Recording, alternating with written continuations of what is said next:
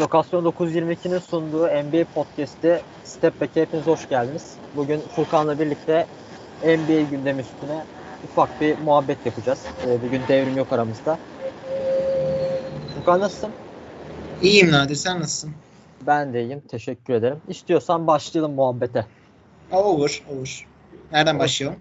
Phoenix'e başlayalım istiyorsan. Ya yani en e, şu anda e, bubble ortamını düşündüğümüzde en formda takım diyebiliriz. Şu ana kadar maç kaybetmediler. Devin Tek Booker'ın, yenilmeyen takım diyebiliyorum. Evet. Devin Booker'ın inanılmaz bir performansı var. Ne söylemek istersin Phoenix'le ilgili genel olarak? Abi Phoenix'e baktığımızda işte yani hiç yenilmeyen bir takım var ve yendikleri rakipler arasında şu döneme baktığımızda işte Dallas Mavericks var, Clippers var, Pacers var, Heat var, Thunder var, Sixers var. Yani bunların hepsi aslında az çok iddiası olan güçlü rakipler yani. O noktada e, özellikle mesela Thunder'a karşı, Pacers'a karşı, Sixers'a karşı rahat galibiyetler almaları ve e, Mavericks gibi, Clippers gibi güçlü takımlara karşı da böyle başa baş mücadele edip son anda galip gelmeleri bu takımın aslında ne kadar hazır olduğunu gösteriyor. Yani bu Bubble'a ne kadar formda geldiklerini ve büyüdüklerine ne kadar inandıklarını belki de o play'in yarışına girmek için e, ne kadar tuttuklarını gösteriyor birbirine. Ve ben şahsen şoke oldum çünkü ben bu zor fikstürde direkt Sans'ın ilk iki maçtan şey atmasını bekliyordum. Ve iş öyle bir noktaya geldi ki diğer takımların durumuyla beraber. Sans için aslında her maç final maçı oldu. Yani bir maç kaybetseler bu yarışın dışında kalacaklar. Sonra inatla kaybetmiyorlar. inatla kazanıyorlar. Rakipleri işte bir şekilde kaybediyor o yarışta. Bir şekilde tutundular ve şu an play yarışına girecek gibi gözüküyorlar. Ama gene hala e, son maçları kaldı. O maçları da final maçları. Dallas Mavericks'e karşı. O maçta çok heyecanlı olacak bence ama ben Suns'ın bırakacağını düşünmüyorum. E, tek sıkıntı Suns'la ilgili zaten e, ipler kendi ellerinde değil maalesef. Yani bu, şu ana kadar bakıyorum üst üste 8 galibiyet aldılar. Çok müthiş bir rakam. Ama Portland'ın e, 2'de 2 yapması durumunda Suns'ın şansı kalmıyor. Bayağı sıkıcı bir durum. İşte evet o sıkıcı bir durum. Çünkü ben de aslında şey istiyorum. Yani Memphis Grizzlies'ın bu bubble döneminde ne kadar kötü girdiğini gördük yani. yani Brooklyn Nets'e karşı aldıkları bir galibiyet Bir de yani pardon Brooklyn Nets dedim yanlış söyledim. Ee, şeye Oklahoma Thunder'a karşı aldıkları bir galibiyet var. Onun haricinde galibiyetleri yok. Yani bu biraz can sıkıcı bir durum. Sadece bir galibiyetle devam etmeleri. Yani aslında hazır olmadıklarını ve hala çaylak olduk. Yani çaylaklardan oluşan bir takım için hala e, hazır olmadıklarını gösteriyor. Yani bu durumda e, ben playoff yarışına girecek yarışın işte Memphis'ten ziyade Portland'da Phoenix arasında geçmesini isterim şahsen. Ama Memphis'in e, Bubble'dan önceki galibiyet yüzdesiyle beraber halihazırda 8. sıra tutulması biraz canları sıkıyor diyebilirim o notada. Yani benim de aslında görüşüm e, playoff'lara girmeden e, Suns ve Portland arasında bir play-in yarışı görmek. Mavericks'i o yarışın dışına tutmak. O yüzden Memphis yenilirse yani son maçını yenilirse ve işte Suns da kazanıp Portland'da birini kazanırsa o mücadeleyi yani görmek isterim yani. Bilmiyorum o durumda üçü de girebiliyor değil mi mücadeleye? Yanlış mı biliyorum orayı? Yanlış bilmiyorsam iki takımın gir- gireceğini biliyorum ben. 8 ve 9. sıradaki takımların. O zaman Grizzlies'ın yenmesi lazım.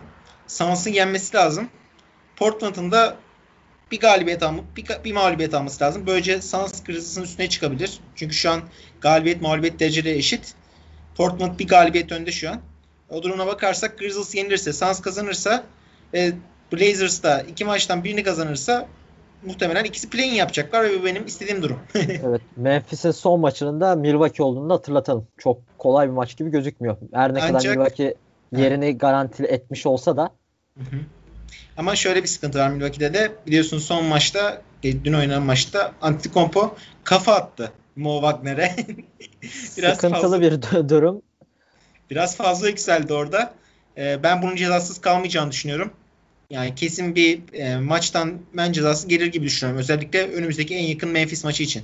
Bilmiyorum katılır mısın? Bence de hatta belki iki maçlık bir şey bile gelebilir. Yani o noktada acaba bilmiyorum Memphis'in gençleri de yani çok deli dolu gençler böyle. Belli olmaz şimdi sağları solları. tabii tabii yani şey konuşmak lazım zaten. Hani Devin Booker müthiş bir performans sergiledi ki e, NBA yönetimi bubble ortamı içinde bir e, ödül sistemi olacağını açıklamıştı. En iyi 5'i ve e, MVP ödülünü seçeceklerini açıklamıştı. Büyük ihtimalle Devin Booker'la Doncic arasında geçecek o ödülde. İkisinden biri kazanacak. Ama buradaki e, bence önemli noktalardan biri de e, sevgili Philadelphia'mızın e, taka, takasladığı Michael Bridges. Yani gerçekten e, hem savunmadaki katkısı hem hücumdaki katkısıyla Devin Booker'a da alan açıyor. Yani ve e, ben bir kez daha Elton Brand'i tebrik etmek istiyorum. Mikael Bridges'i böyle takasladığı için. Çok yerinde bir karar. Tek bir doğru hamlesi yok. Maalesef. Ama bak şimdi sen şey dedin az önce. Benim aklım oraya takıldı. Bak Doncic mi dedin, Booker mı dedin? Ben de TJ Warren diyorum. Hadi bakalım. yani, TJ Warren da tabii özel bir performans ama yani şeyin e, Booker'ın takımı bu şekilde ya bu yarışın içinde tutması çok değerli bence. Ve şey de çok önemli mesela. Dediğim gibi Michael Bridges'in katkısı çok büyük Booker'a beraber. Ee, son maç Sixers maçında biz şeyi gördük. Ee, Booker'ın da işte Bridges'in düştüğü yerlerde Sarıç'tan ekstra katkı aldığını gördük. O noktada işte maç maç Phoenix'in yan parçalarının aldığı ekstra katkı vardı aslında. Çok değerli bu noktada. Çok önemli. Tabii yani sadece e, üst seviye oyunculara bakmamak lazım. İşte Cam Johnson, e, Cameron Payne de önemli isimler ve şey Phoenix'in en önemli oyuncularından ikisinin yani Kelubre ve Aaron Baines'in de olmadığını da hatırlatmak lazım. Yani Kelubre bu takımı e, yine ayak tutan parçalardan biriydi. Kanattan hem şut katkısı hem de verdiği sertlik ve takıma kattığı atletizmle ya Phoenix için çok önemli bir parçaydı. Aaron Baines'i zaten anlatmaya gerek yok. Özellikle Aiton'un sakat olduğu bölümde inanılmaz bir performans sergilemişti. Bunlara rağmen Booker'ın takımı bu şekilde ileri taşıması ve clutch'ta özellikle clutch time'da gösterdiği performans çok değerli geliyor bana. Bir de Ricky Rubio inadı diye bir şey var bilir misin? tabii tabii özel bir topçu. Yani Ricky Rubio bu takımın aslında yani Devin Booker'ı saymazsak ikinci lider diyebilirim şahsen top yönlendirici olarak. Ve yani bir şekilde oyuna pozitif katkı vermeyi başarıyor bu süreçte. Ben onun e, pozitif katkı vermesinin bu Phoenix'in şu anki galibiyet serisinde çok önemli bir yer olduğunu düşünüyorum şahsen. Yani çok belli etmiyor kendini. Çünkü Booker gibi bir e, star var. Par parıldıyor orada. Ancak Ricky Rubio da yani bir şekilde bu topun aslında yani her top onun elinden geçiyor diyebilirim bir şekilde. Anlatabildim mi? Katılırım. Yani Ricky Rubio zaten e, bu takımdaki en önemli eksik. Yani genel olarak e, daha e, genç bir takım diyebiliriz Phoenix'e de e, şey diğer takımlara nazaran. Orada o tecrübe eksini kapatması, hücumları doğru okuması vesaire o açıdan çok değerliydi. Phoenix'in geçtiğimiz sezon mesela o e, başı kesik tavuk gibi saha içindeki görünümünü engelleyen yani o görünümün düzelmesini sağlayan yegane oyunculardan biri diyebiliriz Ricky, Ricky Rubio için. Kesinlikle.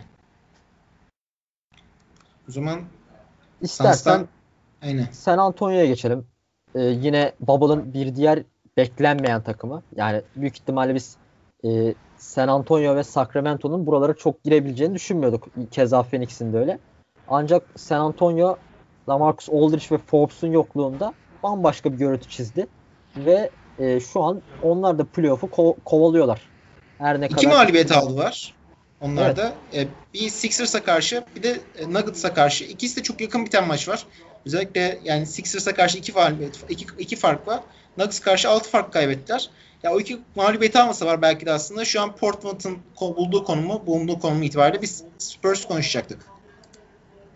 Ya kesinlikle ya bir enteresan bir takım oldu. Ya e, zaten e, San Antonio'nun Lamarcus Aldridge hamlesinin ne kadar tartışmalı ve yanlış bir karar olduğunu hepimiz biliyorduk. Onun yokluğunda e, Bellinelli'nin olmayışı takımın atletizmini bir anda inanılmaz yükseltti. İşte Derek White ve e, şeyle Lonnie e, Walker Lonnie Walker, e, Dejante Murray ya bu tarz oyuncular çok önemli iki tane savunmacı. Yani hiç savunma yapmayan iki oyuncuyu denklemden çıkarıp yerine çok iyi iki tane kısa savunmacı attınız. E, e, yine Eubanks ve Poeltl yani Lamarcus Aldridge'e göre çok daha iyi savunmacılar. Her ne kadar yetenek tavanları çok kısıtlı olsa da yani çok net katkı alıyorlar ve Demar DeRozan içinde daha rahat bir hücum ortamı oluşturdular. Onlar açısından da işleri iyi gitti. Yani her ne kadar Popovic sürekli e, biz zaten playoff adayı değiliz burada. E, tecrübe kazanmak için şu anda buraları oynuyoruz dese de playoff'u son ana kadar kovaladılar. Çok düşük de olsa hala bir ihtimalleri var galiba. Evet evet. Hala bir ihtimalleri var ama yani dediğin gibi çok çok düşük bir ihtimal işte yani bu süreçte dediğin gibi aslında Spurs'un en büyük sorunu dediğin gibi Lamarcus olduğu işten sonra takımdaki tek e, abi yani sıfatlandırabileceğimiz lider oyuncunun e, DeRozan olarak kalmasıydı. Ancak e, o yan parçalardan çok iyi katkı aldılar bu gençlerden. İşte e, Lonnie Walker olsun, Derek White olsun. Keza işte Bellinelli de o açığı bir tık kapattı olduğu için e, olmamasında. E, bakalım yani ben ihtimal vermiyorum play'ine gireceklerine. Çünkü e, diğer takımların kaybetmelerini bekleyecekler falan yani. Çok sıkıntı. Üçünü de kaybetmesi falan lazım benim bu Ben de ihtimal vermiyorum. Ee, tabii şeye de değinmeden geçmiyorum. Bizi topa tutmasınlar Keldon Johnson'a. Ya inanılmaz bir performans. Hiç varlığıyla yokluğu bir olan bir oyuncudan böyle bir dönemde ya gerçekten ben çember etrafında falan da çok iyi bir bitirici. Evet. Tercihleri de çok doğru mesela. Hani e, sadece bitirici bir oyuncu rolünde değil, hücumda aldığı, sorumluluk aldığı da zamanlarda yani hiç mesela şey trafikte çembere gittiğini görmedik. Hep doğru anlarda topu yere vurdu ve çembere gitti. Calvin Johnson. Çok Zaten değerli bence onun verdiği katkı son, gelecek içinde. Son Rockets maçında yıldızıydı zaten. Yani 24 sayı 11 rebound katkısı var. Yani direkt yani Rockets'ın small sistemine karşı pot altında hükmetmiş yani baktığımızda. O noktada işte e, onun ekstra katkısı gelecek sene açısından Spurs için iyi bir e, rol oyuncusu, hamle oyuncusu olarak iyi bir gelecek belirtisi olabilir dediğin gibi. Evet. Burayı da bitirdiğimize göre yavaştan Portland'a geçebiliriz. Evet. E, ilk kim başlasın Damian Lillard dövmeye? ya Portland'la ilgili benim şöyle bir şeyim olmuştu ilk NBA programımızda bizim. E, ben zorlu fikstüründen dolayı burada hiç şans vermemiştim Portland'da. Daha ziyade e, kafası hiç burada olmayan New Orleans'a şans vermiştim. Ama yani Lillard adeta e, Adam Silver'ın da hafif ittirmesiyle takımını play'ine doğru taşıyor diyebiliriz. Yani şu e, şey maçından sonra Clippers'a kaybettikleri maçtan sonra önce Sixers maçında 51 sayı ardından Mavericks maçında 61 sayı atması yani toplam 112 sayı atması iki maçta sadece yani muazzam yani. Olmaz bir performans ve yani hani dün attığı saçma sapan bir sayı var.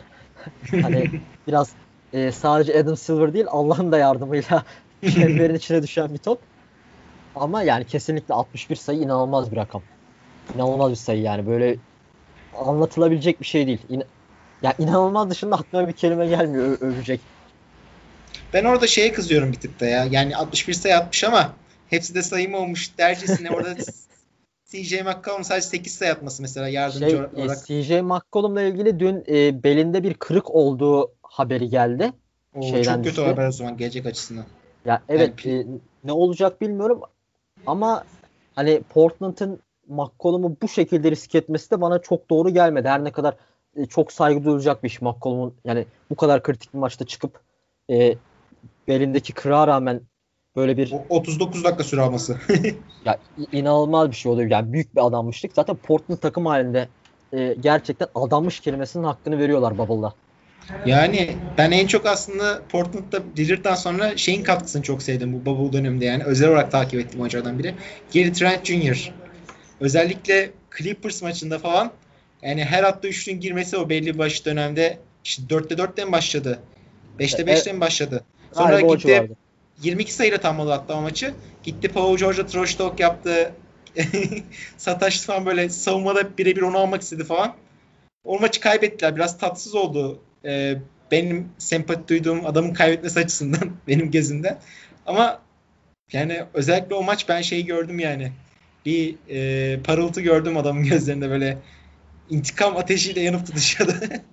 Ya kesinlikle zaten Lillard'ı, McCollum'u falan konuştuk ama Gary Trent'in burada verdiği katkı inanılmaz değerli bir katkı. Yani bu kadar dar rotasyonda e, çok aslında bu, bu katkıyı beklemediğiniz bir oyuncudan e, bu denli iyi hem savunmada verdiği sertlikle hem de ceza şutlarını kesmesiyle e, böyle bir katkı almak da Portland açısından çok ekstra oluyor. Çok değerli bence o yüzden.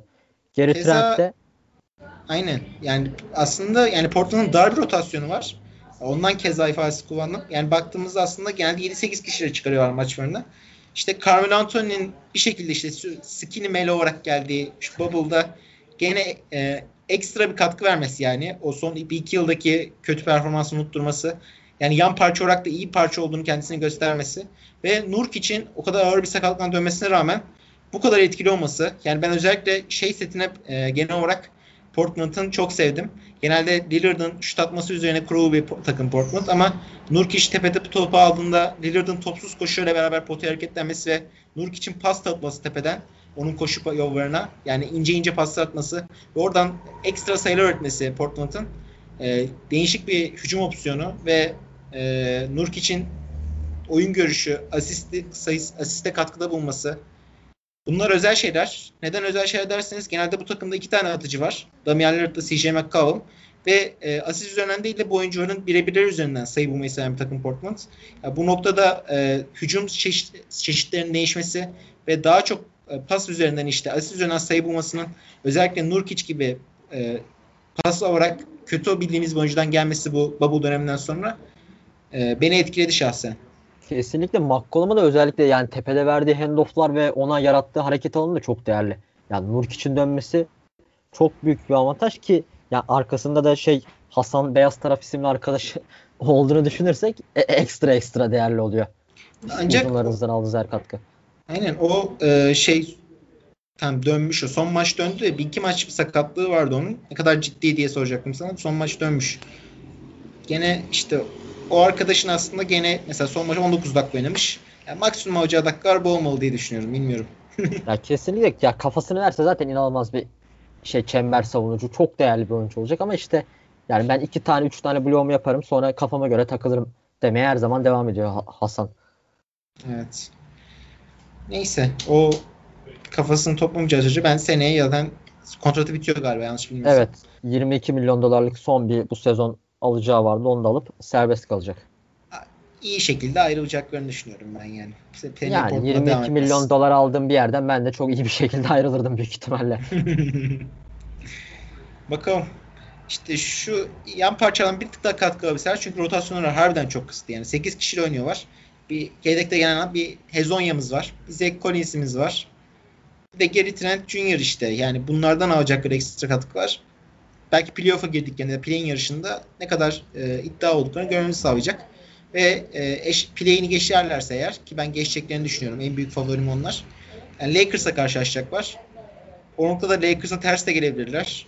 Ya, ya kesinlikle da... Lakers'ın özellikle kısa savunmacısı Avery Bradley'nin sakatlığı Portland'ın burada e- ekmeğine büyük yağ sürecektir ve hani belki geçerler geçemezler o ayrı bir konu ama yani Lakers'ın ilk turda bu kadar zorlanacak olması kendileri açısından çok büyük sıkıntı olacak. Çok eğlenceli bir seri bekliyor bizi o noktada. Ben 4-2 biteceğini Lakers'ın alacağını düşünüyorum ama e, ilk bir, birkaç maçta alacaklar işte iki galibiyeti mesela ne kadar erken alır varsa seriye o kadar heyecan geleceğini düşünüyorum. Öyle. Evet, yavaştan Utah, Utah'a geçelim o zaman. Onlar da enteresan. Abi Grizzles'ı biraz şey yapsaydık. Memphis'te Memphis. konuşabiliriz tamam. Yani Onlarda hiç da... genel olarak şeyin hemen dem vuracaktım. Ken vuracaktım aslında. Dem vurmak mı? Ken vurmak mı? Yanlış kullandım herhalde. Yani gem. Gem vurmak ha. Doğru. Ee, kolay rakiplere karşı kaybettiler aslında baktığımızda. Çünkü fikstürü en kolay ekiplerden biri olarak görüyordu. Yani Spurs'da oynadı var, Pelicans'da oynadı var. İşte Jazz, Thunder. Yani genel olarak e, birkaç galibiyeti alsa var zaten her halükarda 8. garantileyeceklerdi. Ama her seferinde bizi şaşırtıp daha da kaybetmeyi başardılar. ya özellikle ilk 3 maçları yani San Antonio, New Orleans, Utah'tan ya Portland'ı geçiyorum direkt rakibi olduğu için e, onlara kaybetmesi anlaşılabilir bir nokta. Yani özellikle zaten Ki o da uzatmada bitti. Yani evet. çok kıran kıran bir maçtı o da. 140-135 bitti ve uzatmada yani belki Lillard'ın ekstra çabasıyla kazandı diyebiliriz. Ya buradaki 3 maçtan galibiyet çıkaramazsanız sonraki 3 maçınız zaten Oklahoma, e, Toronto ve Boston. Son maçta Milwaukee. Yani zaten çok 4 e, zorlu 4 maçınız varken siz önünüzdeki hedef maçları kaybederseniz bu sıkıntıyı yaşarsınız. Ki kaybettiğiniz takımlardan biri New Orleans savunmanın sesini yapmayan bir takım. Asla hücum edemediniz o, o takıma karşı. Ya o zaman da buraya hak etmiş oluyorsunuz. Şey olabilir mi ya bu? E, Pelicans'ın kazandığı tek maç mı diyecektim. Bir de e, Washington'a kazanmış var. Helal olsun. Ya onu da kazanmayanı dövüyorlar zaten. Yani. E, işte burada bir hayal kırıklığı işte Pelicans'la beraber aslında bir de Sacramento oldu. Onlar da yeteri kadar iyi performans gösterdiler. İkisinin... Ama onların kafası hiçbir zaman basketbolda değil. Yani onlar e, ne yapmak istiyorlar bilmiyorum ama ya artık sezon bitse de gitsek kafasındalardı. Hala sezon bitse de gitsek kafasındalar. Yani boşuna çağırdılar buraya. Hiç gelmelerine gerek yoktu bence. Evet. Genel olarak takıma baktığımızda da aslında böyle uyumsuz bir takım olduğunu görüyoruz yani. Bir Harrison Barnes var şut atmayı seven. Bogdanovic var bir kendini kanıtlamak için göstermek için uğraşan Şimdi yani. Bogdanovic'i de mesela hani çok iyi bir top yönlendirici Bogdanovic ama asla o pozisyonda kullanmıyorlar. Daha bir atıcı rolünde evet, kullanıyorlar evet. yani. Çok saçma geliyor bana. Aynen. Aslında parçalara tek tek baktığımda tam böyle bir playoff yarışına girecek takımlar. Normal sezon desem takaslayıp almaya çalışacakları. Bir şekilde işte buyout yapıp almaya çalışacakları oyuncu var. Corey Joseph olsun. E, olsun. İşte Jabari Parker olsun. Hep bir çeşit katkı veren oyuncu var yani. Ama yeterli olmadı tabii ki de. Evet. Neyse. Burayı da bitirdik böyle. O zaman Utah'a geçelim. Ee, enteresan bir takım Utah. Ee, Houston korkusu gözlerini nasıl körelttiyse e, Oklahoma'nın maçı kaybettiğini duyup son çeyrekte Dallas'a karşı 3. 5'te sahaya çıkıp e, maçı kaybettiler. Yani 34-14'lük e, harika bir seri. 34-14'lük müthiş bir Dallas galibiyetiyle bitti son çeyrek. Ve yani işte ben benim anlamadığım oyuncular var mesela sahada. İşte Gerald Brantley, Mia Oni, işte Justin Wright Foreman, Foreman. Yani kim bunlar abi? ya, ben görmedim NBA'de bunları. Enteresan yani bu kadar korkması ki tam e, büyük zaafları olan bir Houston'a karşı böyle bir korku ilk turda çekmemek e, bana çok sağlıklı gelmiyor. Yani bu takım e, eğer hani rakip seçmeyi anlarım ama yani sürekli Houston'a eğleniyoruz diye biz Houston'dan kaçmak e, ya baba girmeyin o zaman playoff hani çok bir mantığı da yok. Yani işte ben aslında burada onlar için en kritik maç gelecekler açısından şey maçıydı bence. Denver Nuggets maçıydı geçen gece oynanan. O maçta çok öndelerdi ilk çeyrek. Ee, işte 29-15 bitirdiler ilk çeyreği. Ondan sonra ikinci çeyrekte bunu kordu var. Üçüncü çeyrekte bir şekilde kordu var. Ama son çeyrekten itibaren bir e, Denver dönüşü başladı ve o maç iki kere uzatmaya gitti. Ben işte normalde maç 10'da başladı yanlış hatırlamıyorsam o maç izliyordum. Dedim bu maç şey olacak herhalde. Yani bitecek. Kapattım çünkü 4 sayım 5 sayım ne fark vardı. Bir Denver ya da Utah yerine tam hatırlamıyorum. İki uzatma daha gördüm işte. E, maçı bitirdim işte izlerken. Son ikinci uzatmada. Yani aslında Denver Utah çok eş bir takım gibi. Yani de, güç dengesi açısından. Yani böyle bir takıma da yani önde oldukları maçı iki uzatma götürüp yine en sonunda kaybetmek biraz can sıkıcı. Ya dar bir rotasyon olduğunu biliyoruz Utah'ın. E, sıkıntıları var işte. Bogdanovic'i getiremediler buraya. E, ama yani şey çok değerli bence Utah açısından. Bu sezon özelinde konuşmuyorum. Genel olarak e, Donovan Mitchell yani oyunun e, el topun el yaktığı bölümlerde inanılmaz bir adama dönüşüyor. Yani Aynen. E, o ilk... maç kaç tane kıvaç soktu işte o dediğim Denver maçında. Yani ya, dördüncü Kaan... periyot soktu, uzatmada soktu. Kaan Kural aynen. Kaan Kural'ın isyanı var zaten. Hani çok yerinde bir isyan ve yani şey bu maç özelinde değil, değil sadece. Mesela ilk maçta Utah e, Memphis'i yenmişti yanlış hatırlamıyorsam. E, hı hı. Donovan Mitchell mesela çok sıradan bir maç, e, çok sıradan olduğu bir günde e, son çeyrek çıkıp Utah ayağa kaldırıp maçı kazandırıp şey kenara çıktı. Yani bu bir oyuncu açısından sizin takımınızın lideri olan bir oyuncu açısından çok değerli. Yani bu Kesinlikle. Utah uzun vadede büyük bir avantaj kazandıracaktır ama işte bu e, hastalıklı ruh halinden biz Houston'dan ne olursa olsun ilk turda kaçalım ruh halinde ben sağlıklı bir ruh hali olduğunu düşünmüyorum.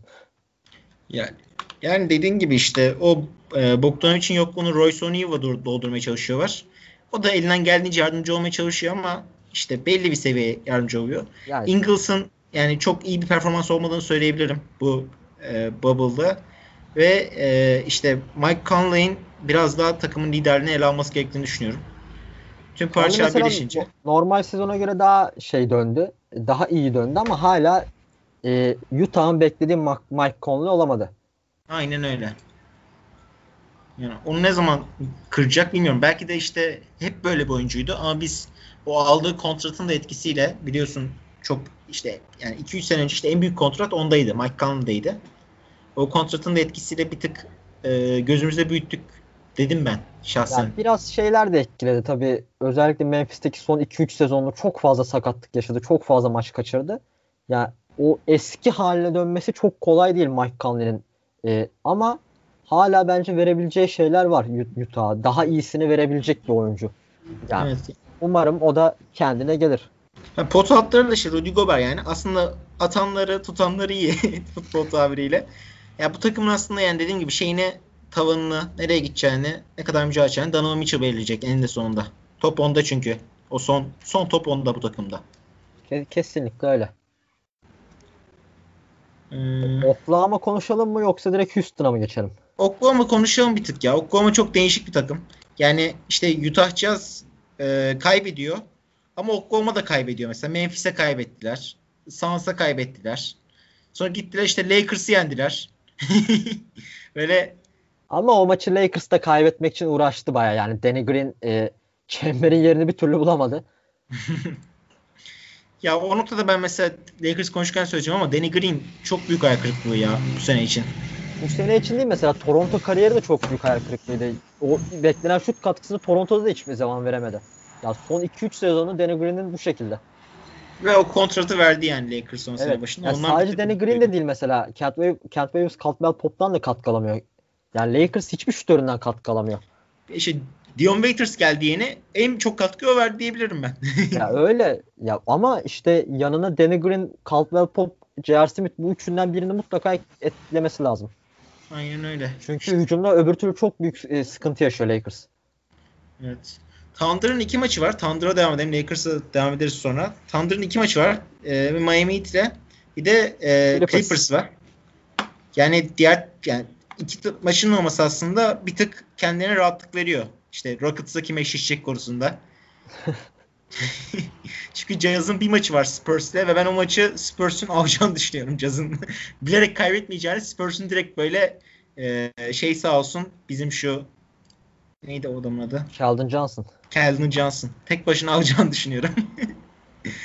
ee, öyle bakınca işte Jazz kaybederse belki Thunder'da işte 2'de 2 kaybet, kaybedip e, dengeleyebilir galibiyet mağlubiyet Belki de bir tanesini kazanıp kendisini yukarı atabilir.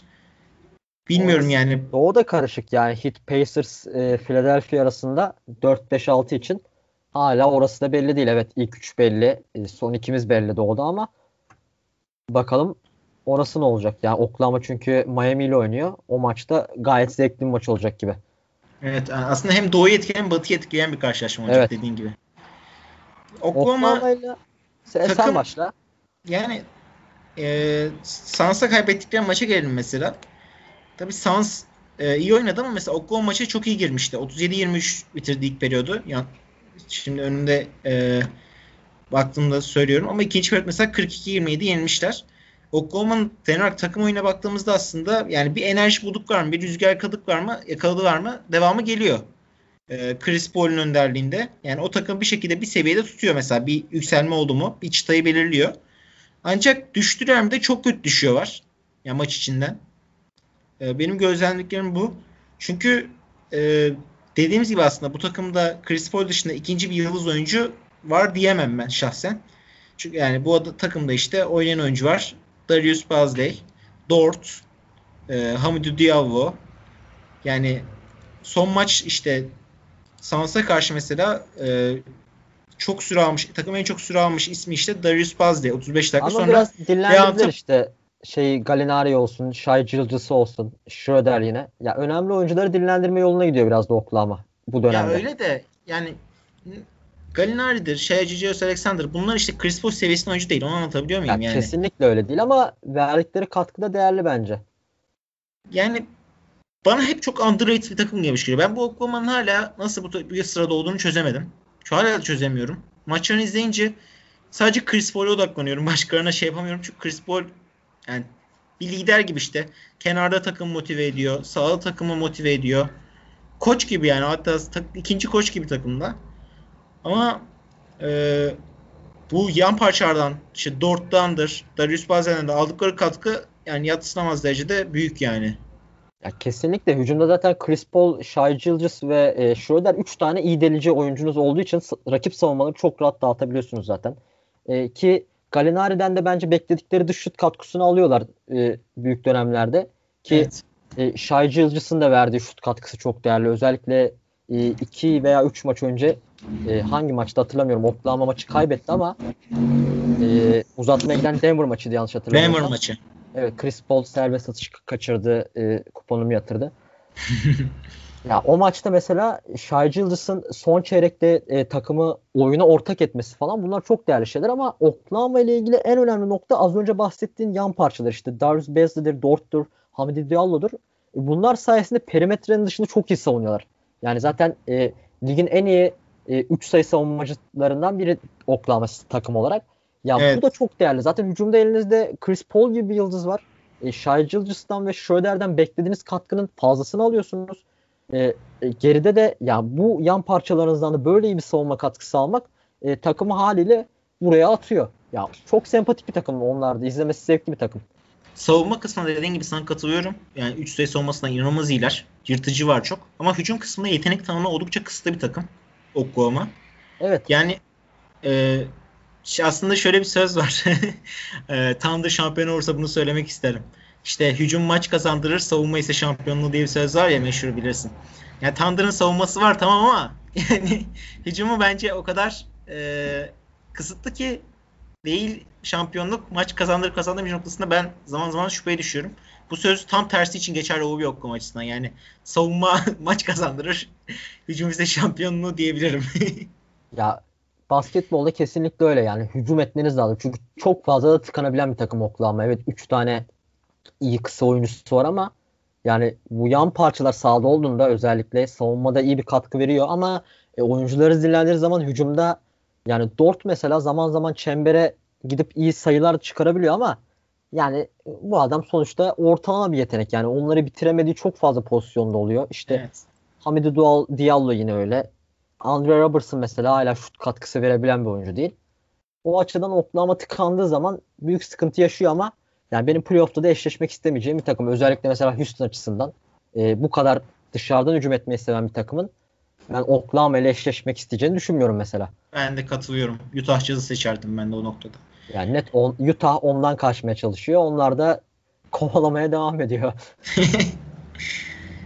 Bakalım Oklahoma'yı bu kadar çok konuşan tek podcast olabiliriz bu arada. Bayağı Oklahoma detaylı olarak. O zaman üstüne geçelim. Ee, Dallas'tan Doncic övmeyelim mi biraz ya? Dallas'tan Doncic övelim tabii. Milwaukee özelinde e, ya inanılmaz bir adam zaten. Hani gözümüzün önünde büyüdü gitti. Hani burada NBA medyası Doncic işte Avrupa'da yaptı burada yapamaz gibisinden konuştuğu zaman da biz her zaman bu çocuğun arkasında durduk. Tabii canım. Avrupa halkı olarak Euroleague izleyen insanlar olarak ya iyi bir katkı vereceğini her zaman biliyorduk. Buraya bir wonderkid olarak yolladık onu. Ama yani ikinci sezonunda bu çıtaya çıkacağını tahmin ediyor muydun dersen ben etmiyordum açıkçası. Yani aslında işte dediğin gibi MIP, MIP ödülü yani en çok yükselen yani, oyuncu için bir Doncic var bir de işte şey var kaf Bam Adebayo var kafamda. Doncic'in hali hazırda geçen sene Yavun Çaylı olup ve belli bir seviyesi olduğunu düşününce mesela benim kafam biraz bir tık Bam Adebayo gitse de yani aslında çok kararsız kalıyorum yani. Neden Doncic'e vermiyorum ki ben ödülü kafamı diyorum çünkü artık şey oldu ya süperstar oldu. İkinci senesinde süperstar oldu. Milwaukee maçındaki performansı yani 80 küsür sayıya direkt etki eden bir performans. Ya triple double 36 sayıda triple double ve 19 asist. Yani inanılmaz içeri penetre edip bütün topsuz koşuları görüp rakip savunmaya cezalandırdı. Yani yine penetre edip dışarıda köşedeki şutörü buldu. Ya konuşabilecek bir ya üstüne şey kitap yazılabilecek bir performans gerçekten. Yani şey olarak oyuna katkı olarak aslında LeBron'un katkısına benziyor genel olarak Doncic'in oyuna katkısı. Ya öyle olunca aslında ben diyorum ki işte keep working, çalışmaya devam. Kesinlikle çok farklı bir yere gelebilecek. Çok farklı bir oyuncu olacak. Bence NBA'in birkaç yılından biri olacak 5-6 sene sonra. Ya kesinlikle yani şampiyon olacak bir takıma net bir şekilde koyabileceğiniz bir süperstar olacak Doncic. Yani o yolda kazıya kazıya gitmeye devam ediyor ve yani Milwaukee karşısındaki bu inanılmaz performansı sadece iki top kaybıyla yaptığında hatırlatmakta fayda var. Yani performansın ne kadar değerli olduğunu yine gösteren bir durum. Bakalım onun etrafına takım kurması gerekiyor Dallas'ın. Yani belki bu sene için finale çıkmaları zor Batı'da. Belki yarı finale kadar gelebilirler maksimum tahminimce. Ama yani onun etrafında bir takım kurması e, birkaç sene için gelecek için ben Dallas'ın şampiyonluk şansını görüyorum. Yani Sadece kesin, Doncic'e bakarak. Kesinlikle geliyor. Yani Porzingis'in de eğer oyununa bir şeyler ekleyebilirse yani çünkü çok zor keskin. ya. Porzingis takaslamaları lazım gibi düşünüyorum. Çünkü Porzingis Doncic'le ayrı telden çalıyor. Ya öyle Porzingis sadece atmayı düşünen bir oyuncu. Yani bunu daha önce de defalarca kez konuştuk ama yani hala hali hazırda çok yaşlı bir oyuncu değil Porzingis. Evet. Kaç yaşında? 24 falan olması lazım. Bakıyorum hemen 25 yaşında. 25 yaşında yani hani bir basketbolcu hani 30'dan sonra bile kendisine oyunda bir şeyler eklediğini görebiliyoruz. Ama işte Porzingis'in o kafa yapısına gelip gelmeyeceği soru işareti. hiçbir zaman böyle bir düşüncesi düşüncesi olmayacaktır büyük ihtimalle. Evet. O noktada ben Doncic'e Allah yar ve yardımcısı olsun diyorum. evet, yolu açık olsun. Aynen öyle. Zaten kim muhtemelen işte e, 7. girecekler diye varsayarsam ya da Jazz yenilip belki 6. da girebilirler. Aslında evet. bak Jazz Thunder'dan kaçmış şu aynı zamanda bir de şeyi de etkiliyor. Mavericks'i de etkiliyor galiba. Yok. Evet evet. E, yani e, Mavericks Jazz'ın üstüne çıkabilir. Yani çok karışık. Hayır hayır. Çıkamaz çünkü 3 maç fazla yenilgisi var. Yani daha fazla maç yapmış. Aradaki maç farkı 2 maç. Evet. Yani Clippers Mavericks eşleşmesinde ben ölümüne şey savunacağım gibi gözüküyor. Doncic, Davos destekleyeceğim gibi gözüküyor. Biraz Paul George'u Kava'yı bir şaşkına uğratmasını istiyorum. Ama zor şansları. Bakalım. Ya şansları zor ama Clippers'ın da çok formda olmadığını da söyleyebiliriz. Hadi bakalım inşallah diyorum o zaman. ee, o zaman üstüne geçiyoruz. Geçelim. E, Harden'ı dinlendirdikleri bir e, maçta San Antonio'ya karşı kötü bir yenilgi aldılar. Harden'sız olmuyor. Harden ya, takımın %99'u. ya öyle Westbrook'a güvenmek çok ma- makul bir davranış değil zaten. Ee, ya bu takım Harden olmadan hücum etmesi zaten çok zor. Ki e, Harden'a ikili sıkıştırma getirdiğinde rakipler o zaman bile hücum etmekte ne kadar zorlandığını görüyoruz. Houston'ın. Aynen öyle. Yani nereye kadar gidecekler hala büyük bir soru işareti. Yani çünkü hala kimseden net bir katkı gelmiyor. İşte Ben McLemore rol olarak bence buraya çok iyi oturdu. Sadece çünkü şut atması bekleniyor. ben McLemore'un da tek sevdiği şey bu. yani cuk diye oturdu Houston yapısına ama ya bakalım onlarla ilgili de ya gerçekten kafamda büyük soru işaretleri var. Ben hani şu şu diyemiyorum. Hani Utah için, Oklahoma için, e, ne bileyim Lakers için, Doğu Konferansı'ndaki birçok takım için hani ne yapabilirler sorusunun cevabını verebiliyoruz ama Houston için ya her evet. maçını izlememize rağmen hala bir kapalı kutu gibi geliyor bana Houston. Abi 7 kişilik rotasyonları var. Yani Baba kurtarır ama yani bilmiyorum yani ben şey bin playoff'ta bu 7 kişilik rotasyon ne kadar dayanacak? Yani her her maç üst üste maç oynayacaklar büyük ihtimal Bubble'da şey olduğu için. Her maç o beklenen katkıyı, ortalama katkıyı bile almayabilirler bazı oyunculardan. Ki keza yani bu katkı beklediğimiz oyuncularda işte Daniel House, Robert Covington, PJ Tucker. İşte bir de ben McLemore ekleyeyim. Yani Jeff Green. Ya böyle oyunculara baktığımız işte 7-8 kişilik rotasyonda bu oyuncuların her zaman çok dalgalı performanslar sergileyen oyuncu var. Yani 7-8 kişiyle nefes nereye kadar gidecek bu takımın? Hiçbir fikrim yok yani. Bu James Harden kendi kurallarını belirleyecek gibi düşünüyorum ben. ya öyle gibi duruyor yani çünkü diğer oyuncular da gerçekten çok istikrarsız. Hani Robert Covington evet savunmada bu takıma istediği katkıyı veriyor şu ana Blok kadar. Blok ama... şu an galiba. Şeyde. Evet. Ya zaten şey e, pozisyonuna göre çok e, blok yüzdesi yüksek bir oyuncu genel yani olarak. Pivot da. oynatıyor genel olarak da Robert Covington'ı zaten. Öyle öyle. Ya, ya Covington ya Westbrook bu takımın pivotu şu anda. yani gö- gözüken e, Mike D'Antoni'nin kafasındaki aşırı modern basketbolda. 5 sene önce böyle bir şey desek biz döverlerdi. Ya, e, enteresan yani basketbol sürekli değişiyor. Mike D'Antoni de ben bambaşka bir şey yapabilir miyim diye düşündü. Yani nereye kadar gideceğini hep birlikte göreceğiz. Pozisyonsuz basketbol. Bakalım ya pozisyonsuz basketbol olsa bile Harden için işler değişmiyor. Her yerden atıyor adam. Yeter ki gününde olsun. Gününde olmazsa bu takım kaybeder. Gününde olursa bu takım kazanır. Ben bu gözle bakıyorum.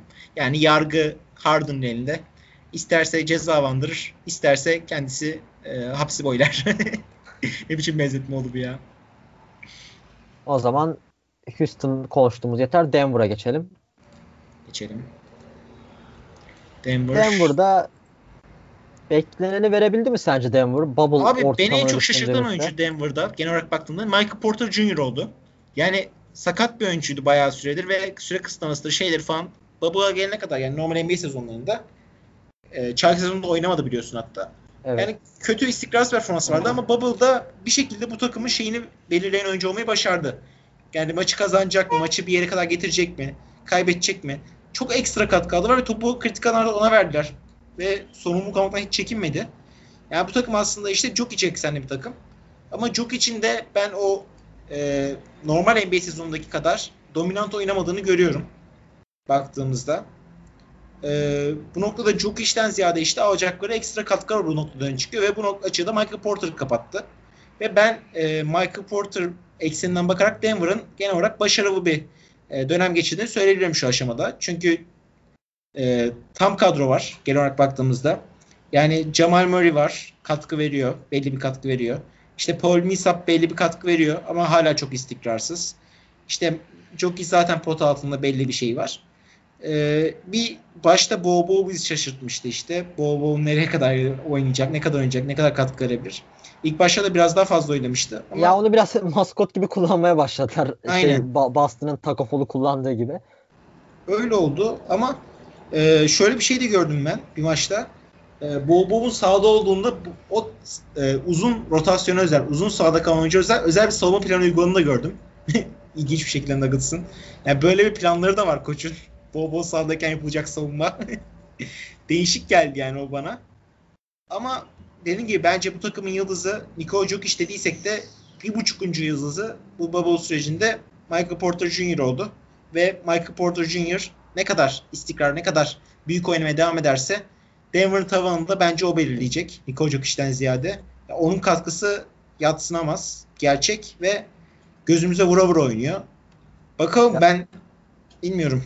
Nereye kadar Zaten çıkmış. Michael Porter e, kolejdeyken özellikle drafta girdiğinde ilk 3 sıradan seçilmesini bekliyorduk. Evet, Daha evet. sonra sakatlı ortaya çıktığı için işte aşağı düştü vesaire vesaire. Geçen sezon oynayamadı. Yani hep ona kolejde bir Kevin Durant benzetmesi yapılıyordu. O etkiyi yapabilecek bir oyuncu olduğu söyleniyordu. Yavaş yavaş kendine geldi. Senin dediğin gibi e, Denver'ın hücumdaki ana lideri olarak yani hani yok hiç evet e, topu domine eden, e, topu dağıtan oyuncu o gibi gözüküyor ama hücumdaki ana lider kesinlikle Michael Porter Jr. Ama Donovan Mitchell diyebiliriz ya Denver'ın. Ya öyle.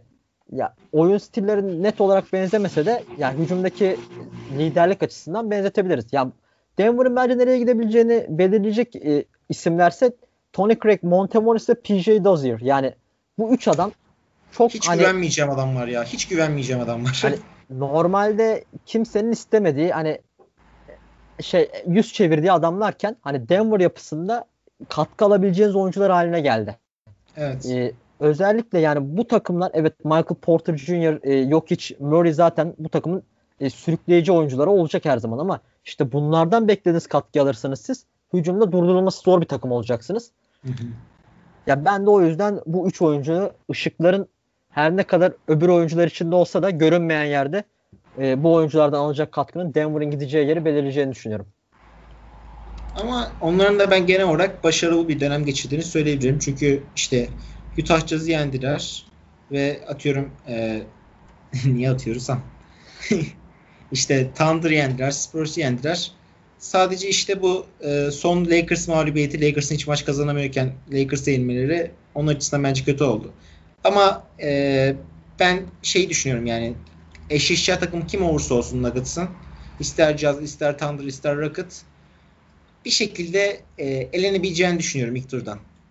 Ya kesinlikle yani çok e, üçüncü sırada olabilirler şu anda ama e, net kimsenin korkacağı bir rakip değil bence Denver. Ki Clippers da geçebilirdi Denver yani ben o kadar fazla mağlubiyet aldıklarını bilmiyordum. Şimdi görünce bir tık şaşırdım. E, bir galibiyet gerideler şeyden ve e, kaç mağlubiyet almış var söyleyeyim sana. 1, 2, 3 3 3 mağlubiyet almış var. Yani bir maçı kazansalar aslında Clippers eşitleyip belki ikinci bile olabilirler ki o da avantaj getirebilir belki onlar diyelim ki. Ya Ama Clippers'la maçları var zaten. Bir sonraki maçları Clippers'la.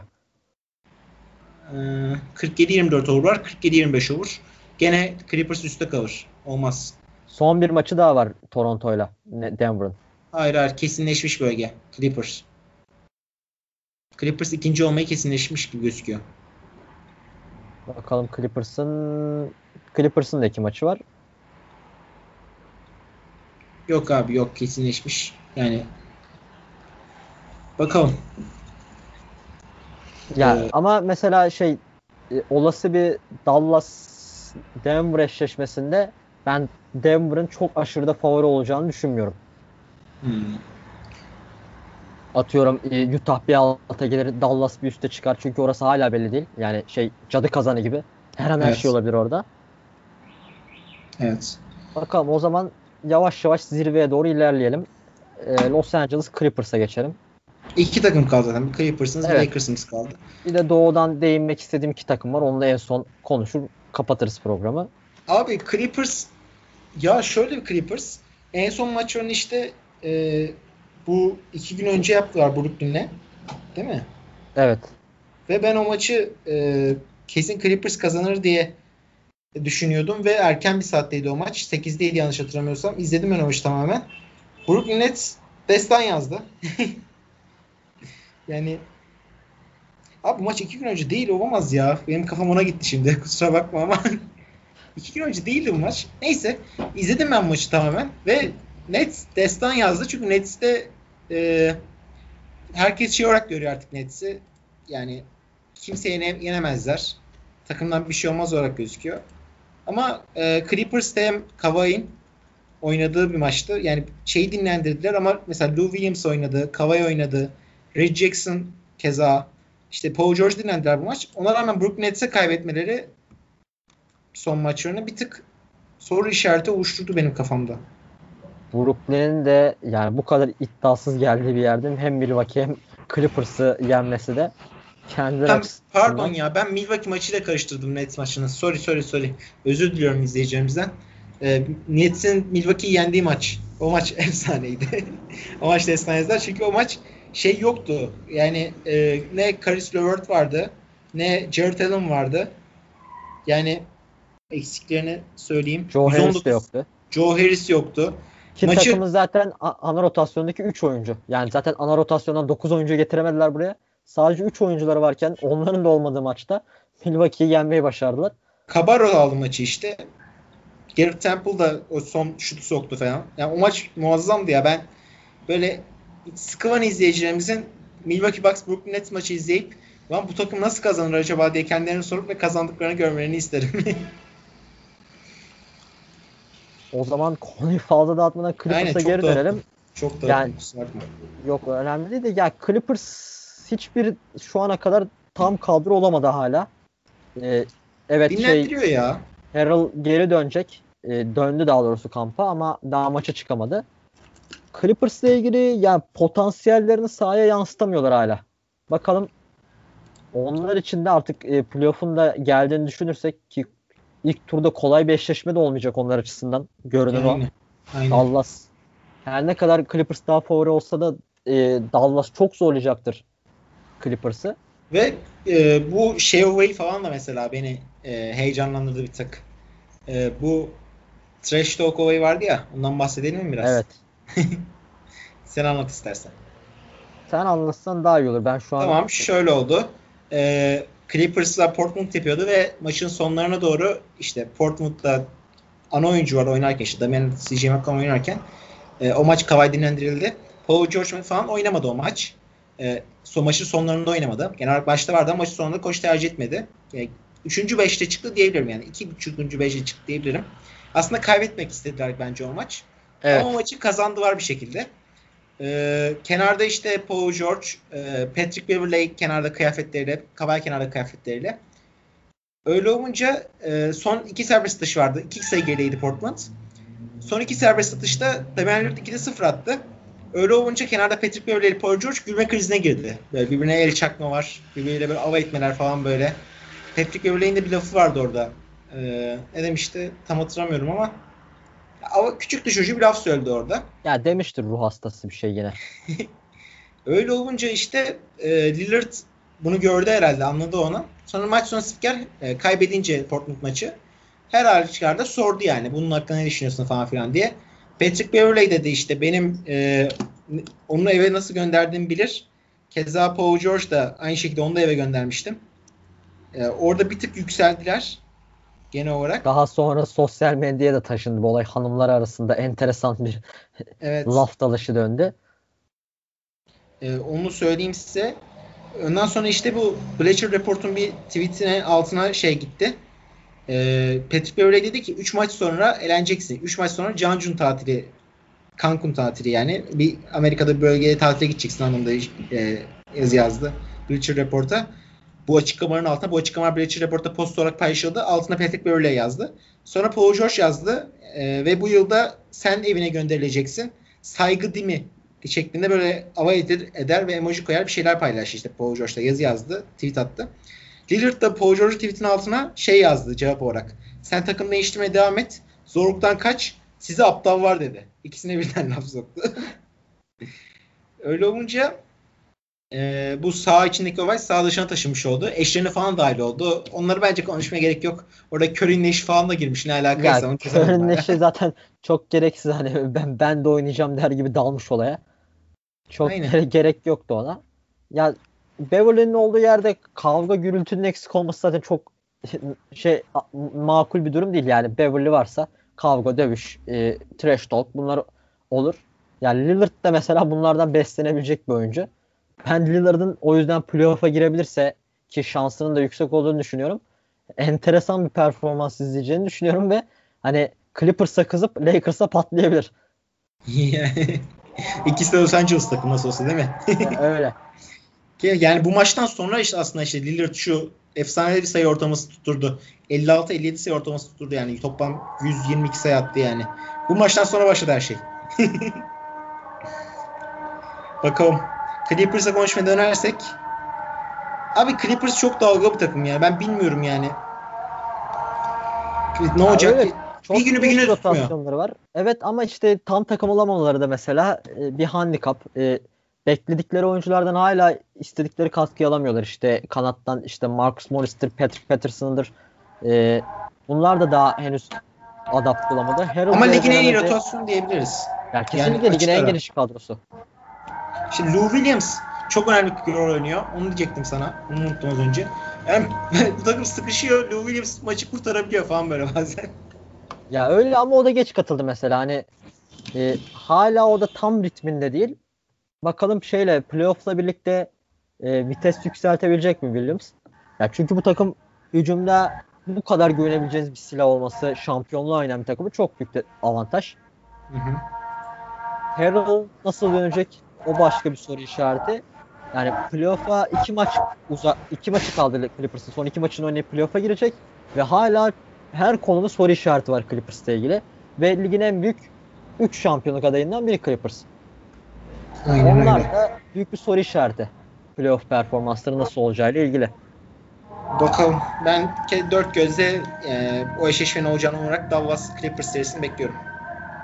Bakalım o zaman burayı da kapatıp Lakers'a geçiyoruz. Lakers da Batı'yı birinci sırada bitirmeyi zaten garantiledi. Ama onlar da e, Bubble'da beklediklerini alabildiler mi? Soru kesinlikle işareti. Hayır, kesinlikle hayır. İlk maç şeye yendiler. Clippers, Clippers yendiler. yendiler. Hemen ardından işte Nets'e kaybettiler. Raptors'a kaybettiler. Var, arada Oklahoma var. Pacers, Thunder, Rockets. Ya kötü girdiler ve LeBron'un bir kulağını çekmesi lazım takımdaki diğer elemanların ya. Ya öyle LeBron'dan da mesela henüz beklenenini alamadı Lakers. Ya büyük ihtimalle şeyden dolayı e, playoff öncesi e, vites düşürmüştür LeBron James. Hani muhtemelen ama yani takımın geri kalanının yani bu kadar formsuz olması özellikle e, kilit noktada olan bence hani evet LeBron James, Anthony Davis bu takımın hücumda en güvenli isimler. E, Kyle Kuzma'dan belli bir katkı alıyorlar.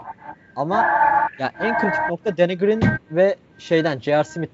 Bu iki isimden birinin denkleme dahil olması lazım. Ya çünkü, J.R. Smith hiç yok ya. Hiç yok J.R. Smith. Ya Kafa Danny Green de mesela şey olarak.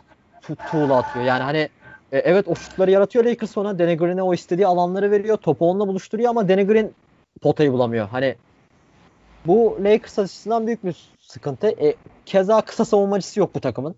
Yani Avery Bradley'i kaybettikten sonra. Evet. Lakers da çok problemli bir takım halinde. Playoff'a doğru ilerliyor.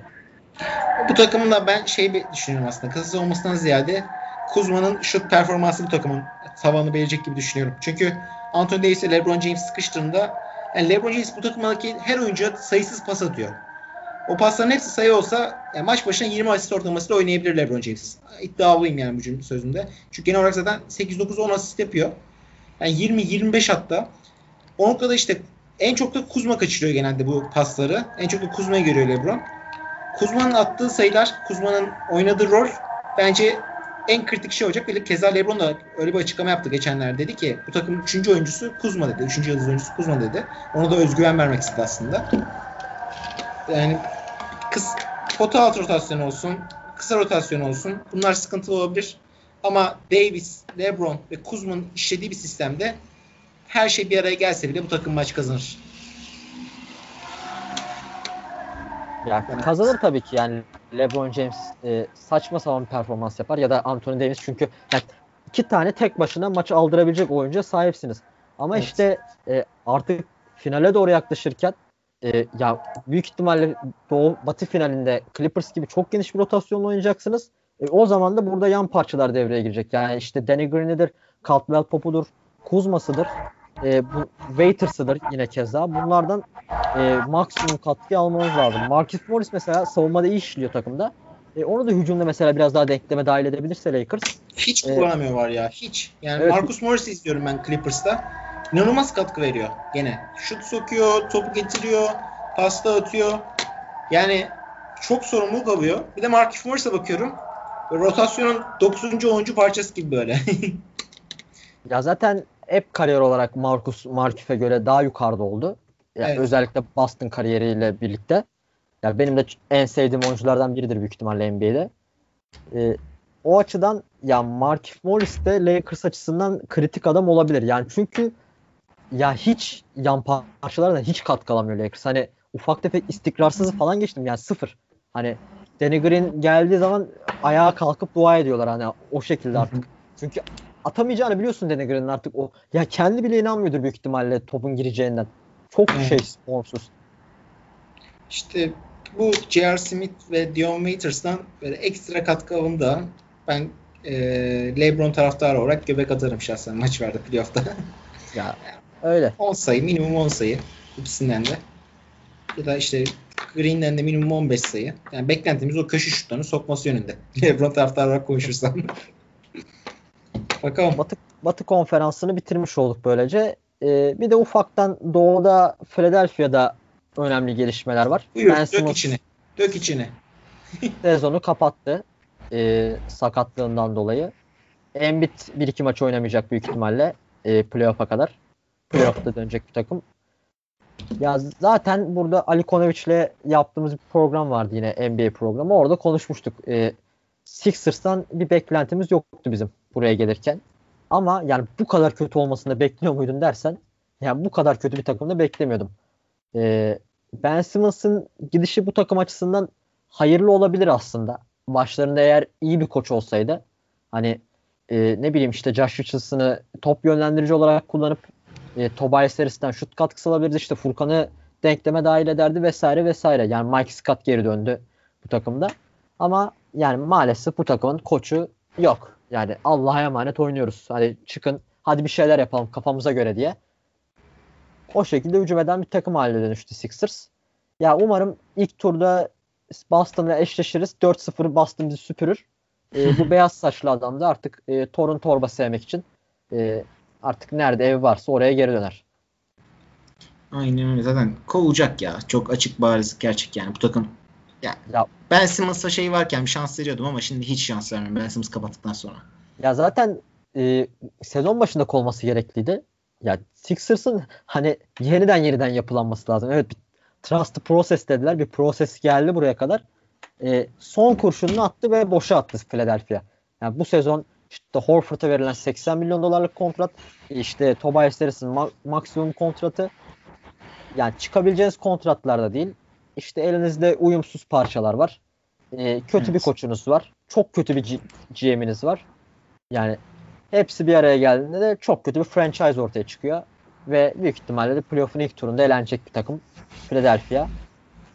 Kesinlikle. Philadelphia'ya şans vermiyorum ben.